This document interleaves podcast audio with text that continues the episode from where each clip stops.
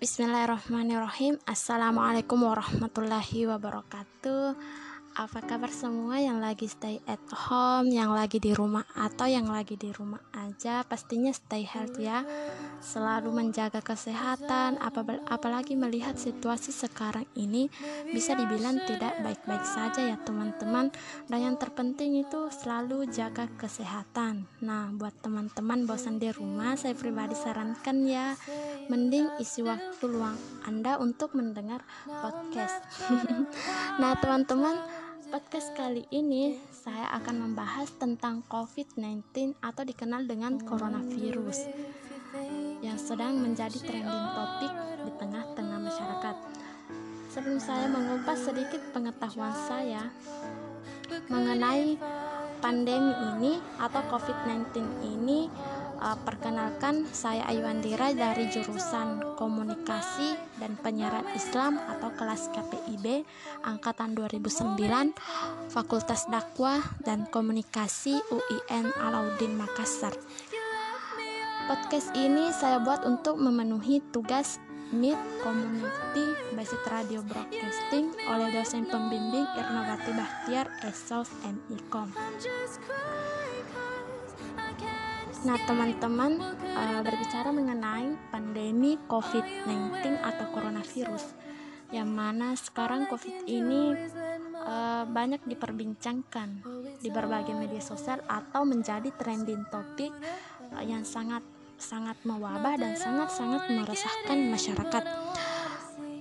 Bukan hanya di Indonesia, tetapi virus ini mewabah di seluruh dunia.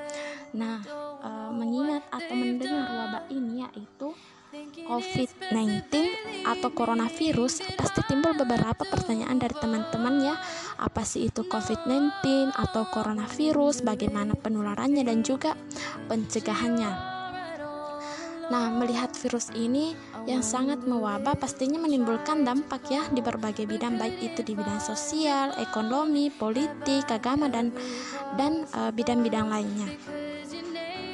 Kemudian uh, kita masuk di pembahasan yaitu apa sih itu COVID-19 yang menjadi hal baru di telinga kita ya. COVID-19 adalah penyakit yang disebabkan oleh infeksi virus. Infeksi virus SARS-CoV-2 atau SARS-CoV-2 itu pertama kali diidentifikasi di kota Wuhan, di Provinsi Dubai, Cina pada Desember 2019 kemarin baru-baru ya. Uh, sebelumnya COVID-19 ini belum dikenal di negara lain termasuk di Indonesia. Itu masih asing bagi kita. Pertamanya awalnya ya, selain selain Cina yang mana kita ketahui bahwa awal mula virus ini muncul di Cina. Tetapi sekarang telah menyebar di berbagai negara di dunia termasuk di Indonesia. Nah, e, melihat sekarang ini jumlah kasus positif yang terjangkit itu ya virus corona e, COVID atau COVID-19 di Indonesia itu terus bertambah.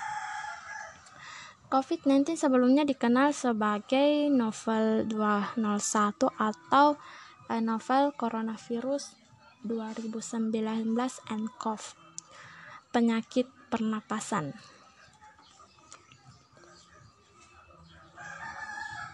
COVID-19 ini uh, menyebabkan infeksi saluran pernafasan. Virus SARS-CoV-2 memiliki uh, virus SARS-CoV-2 milik keluarga virus yang disebut coronavirus, yang juga termasuk virus yang menyebabkan flu biasa, uh, dan virus yang menyebabkan infeksi yang lebih serius seperti sindrom pernapasan akut atau SARS yang disebabkan oleh SARS-CoV pada tahun 2002 dan sindrom pernafasan timur tengah atau MERS singkatan dari atau uh, MERS dikenal dengan MERS yang disebabkan oleh MERS-CoV pada tahun 2012 seperti uh, coronavirus lainnya Virus SARS-CoV-2 ini terutama e, menyebabkan infeksi saluran pernafasan dan e, keparahan COVID-19 ini. Penyakit dapat berkisar dari ringan hingga fatal. Uh, penyakit serius akibat infeksi disebabkan oleh timbulnya pneumonia sindrom dan gangguan pernafasan akut atau SARS. Nah, uh, COVID ini apa saja sih gejala yang timbul dari uh, virus ini? Gejala yang paling umum ya timbul dari dari COVID ini yaitu batuk kering, demam, dan sesak nafas. Diperkirakan bahwa gejala dapat muncul antara 2 sampai 14 hari setelah uh, paparan walaupun ada kasus terisolasi yang menunjukkan ini mungkin lebih lama. Jika mengalami gejala tersebut, kita harus tinggal di rumah aja untuk mencegah penyebaran penyakit ke masyarakat. E, terlebih dahulu itu kita memeriksa ke dokter dulu ya, e, mengikuti anjuran dari e, kesehatan. Yang kemudian itu mengenakan masker wajah akan membantu mencegah penyebaran penyakit ke orang lain. Kemudian itu eh, apa cara penularan atau transmisi dari uh, SARS-CoV-2 ini? Virus SARS-CoV-2 ini diperkirakan menyebar dari orang ke orang melalui yang pertama itu transmisi tetesan atau tetesan pernapasan besar, orang yang bersin, batuk, dan lain-lain. Selanjutnya itu transmisi aerosol itu ketika seseorang batuk atau bersin di dalam ruangan. Selanjutnya yaitu e, kemudian itu transmisi kontak atau menyentuh permukaan yang kemudian e, menyentuh permukaan yang terkontaminasi e, yang kemudian menyentuh mulut, hidung ataupun mata. Kemudian transmisi langsung. Ini itu ciuman, berjabat tangan dan lain-lain jadi uh, sekarang itu yang mana kita sebagai umat Islam ya kebiasaan kita budaya kita itu berjabat tangan sekarang itu uh, tidak bisa lagi dilakukan karena mengingat virus ini yang mewabah juga dapat uh, menularkan ke orang lain melalui uh, berjabat tangan ini. Kemudian cara pencegahannya yaitu uh, cara terbaik untuk mencegah infeksi ini adalah dengan menghindari paparan virus. Cuci tangan secara teratur dan menyeluruh dengan sabun dan air. Di sini cuci tangan kita harus uh, mengikuti langkah-langkah dengan mencuci tangan yang baik. Uh, kita harus mengikuti langkah-langkahnya dengan uh, mencuci tangan yang uh, baik dengan menggunakan sabun. E, kemudian e, busanya itu didiamkan selama 20 detik sambil e, membersihkan tangan ya kemudian dibilas dengan air atau gunakan pembersih tangan yang berbasis alkohol setidaknya 60% atau e, kita biasanya menggunakan hand sanitizer ya tindakan kemudian tindakan lain yang membantu mencegah penyebaran COVID-19 itu hindari kontak. Hindari kontak dengan orang lain yang sakit hindari menyentuh mulut hidung mata ataupun wajah. Tutup batuk dan bersin dengan tisu atau pesiku.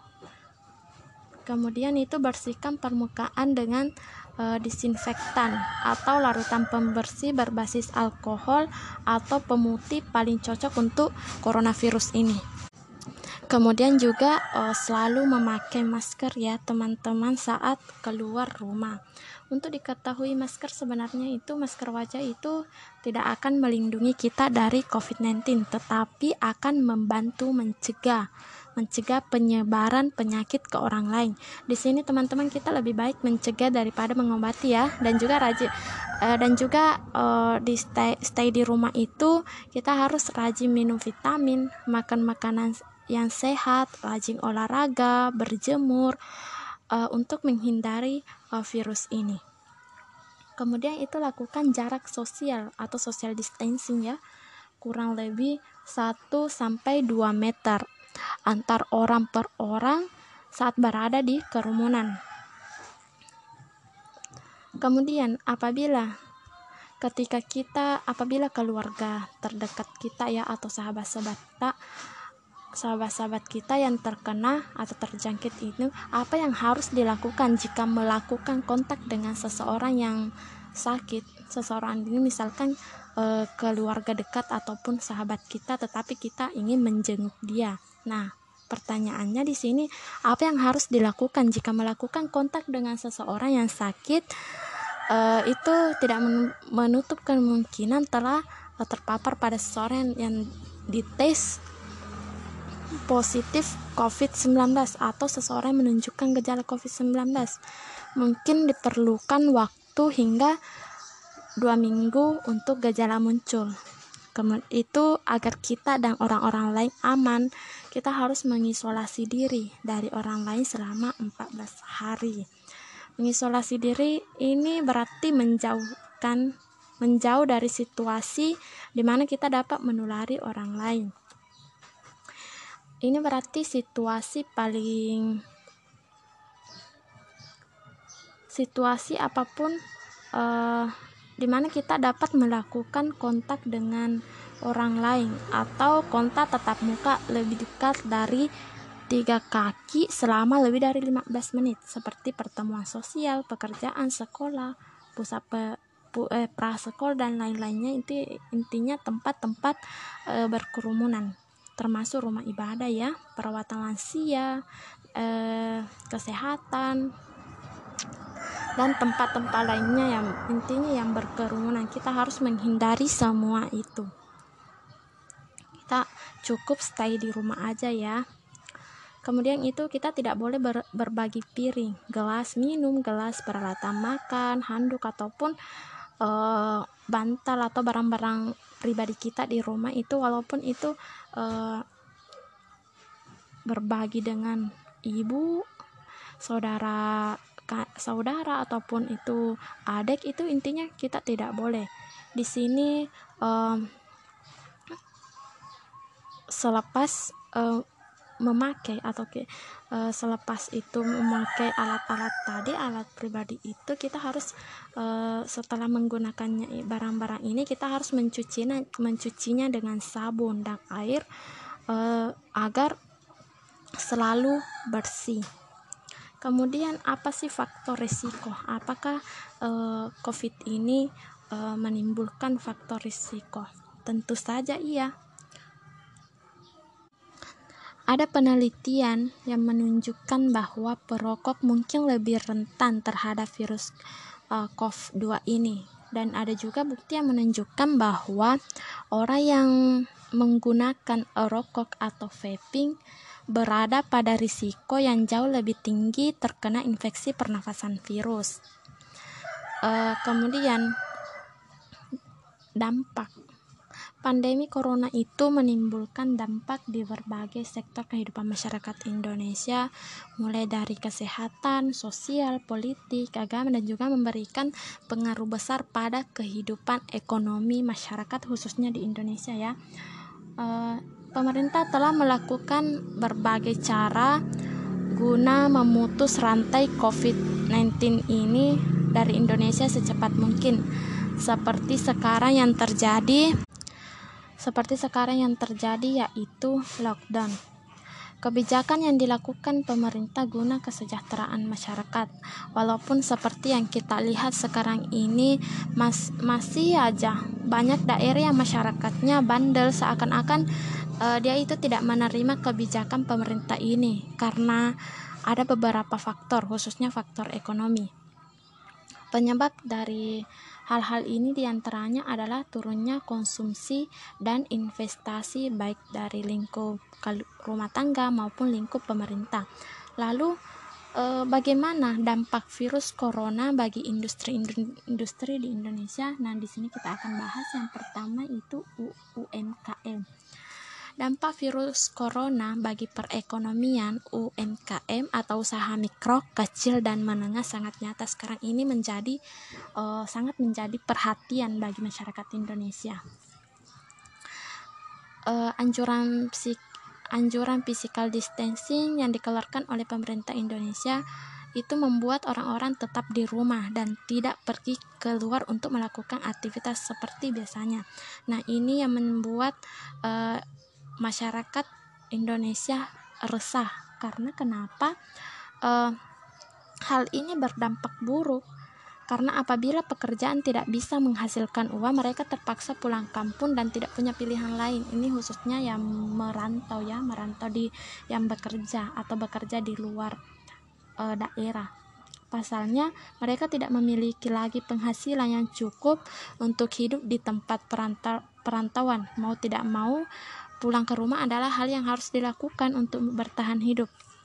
Sekarang kita lihat ini yang menjadi perhatian yang mana kita lihat banyak masyarakat susah uh, memenuhi kebutuhan sehari-hari karena uh, physical distancing. Bahkan yang kita lihat di berita-berita banyak dilanda banyak masyarakat Indonesia itu dilanda kelaparan karena uh, adanya uh, virus ini para pekerja tidak bisa lagi uh, bertahan bertahan dalam uh, di kota uh, di kota sehingga uh, mereka hanya bisa memutuskan untuk pulang kampung demi uh, bertahan hidup.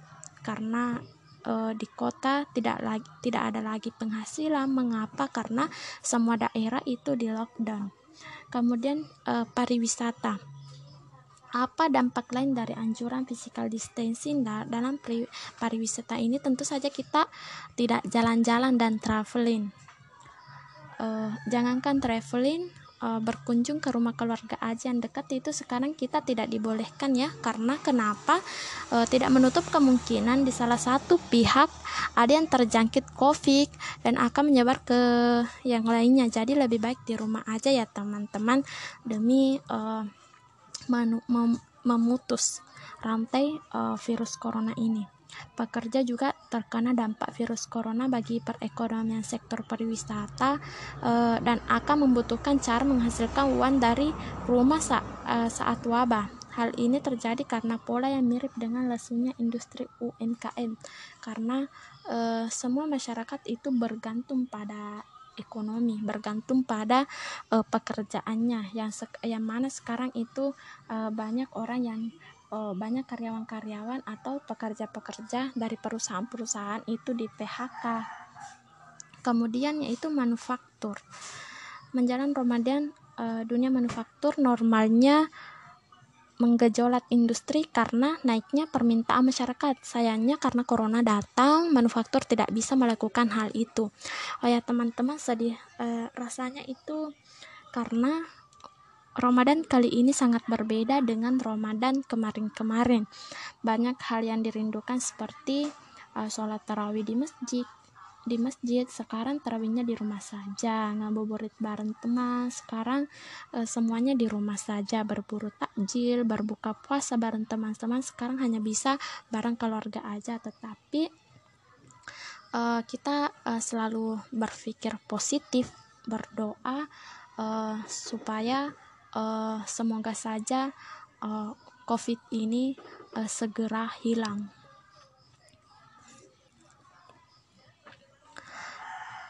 Dari dilansir kata data, dampak virus corona bagi perekonomian memaksa perusahaan manufaktur untuk menurun produksinya. Eh, ini yang saya bilang tadi bahwa banyak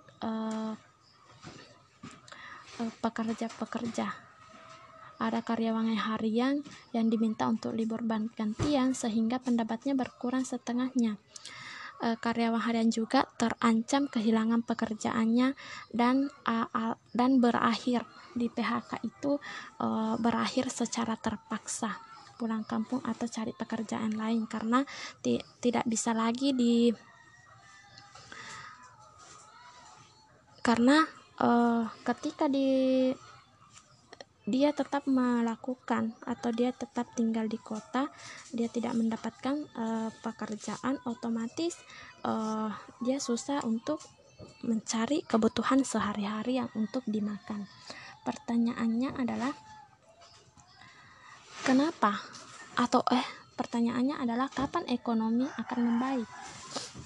Terdapat dua skenario kemungkinan yang pertama cepat untuk wilayah Asia Pasifik eh, Pasifik itu kemarin eh, perkiraannya ekonomi akan pulih dengan sendirinya ketika wabah corona mereda hal ini terjadi karena sebenarnya mele, eh, sebenarnya melesunya ekonomi terjadi bukan karena krisis ekonomi itu sendiri, melainkan masalah kesehatan masyarakat. Kedua itu pelang. Bagaimana jika virus ini tidak menghilang? Tentu, tentunya ini kita tidak menginginkan ya, tetapi kita uh, selalu uh, berdoa. Kita stay di rumah itu selalu melakukan ibadah, berdoa. Semoga saja pandemi ini tetap uh, eh segera menghilang demikian dari uh, sedikit pemahaman saya uh, mengenai COVID-19 ini uh, selama di rumah aja uh, semoga selalu uh, berdoa uh, beribadah melakukan ibadah-ibadah lainnya uh, di rumah dan selalu berdoa semoga saja uh, pandemi ini cepat ber, ber, berakhir Demikian dari saya. Wassalamualaikum warahmatullahi wabarakatuh.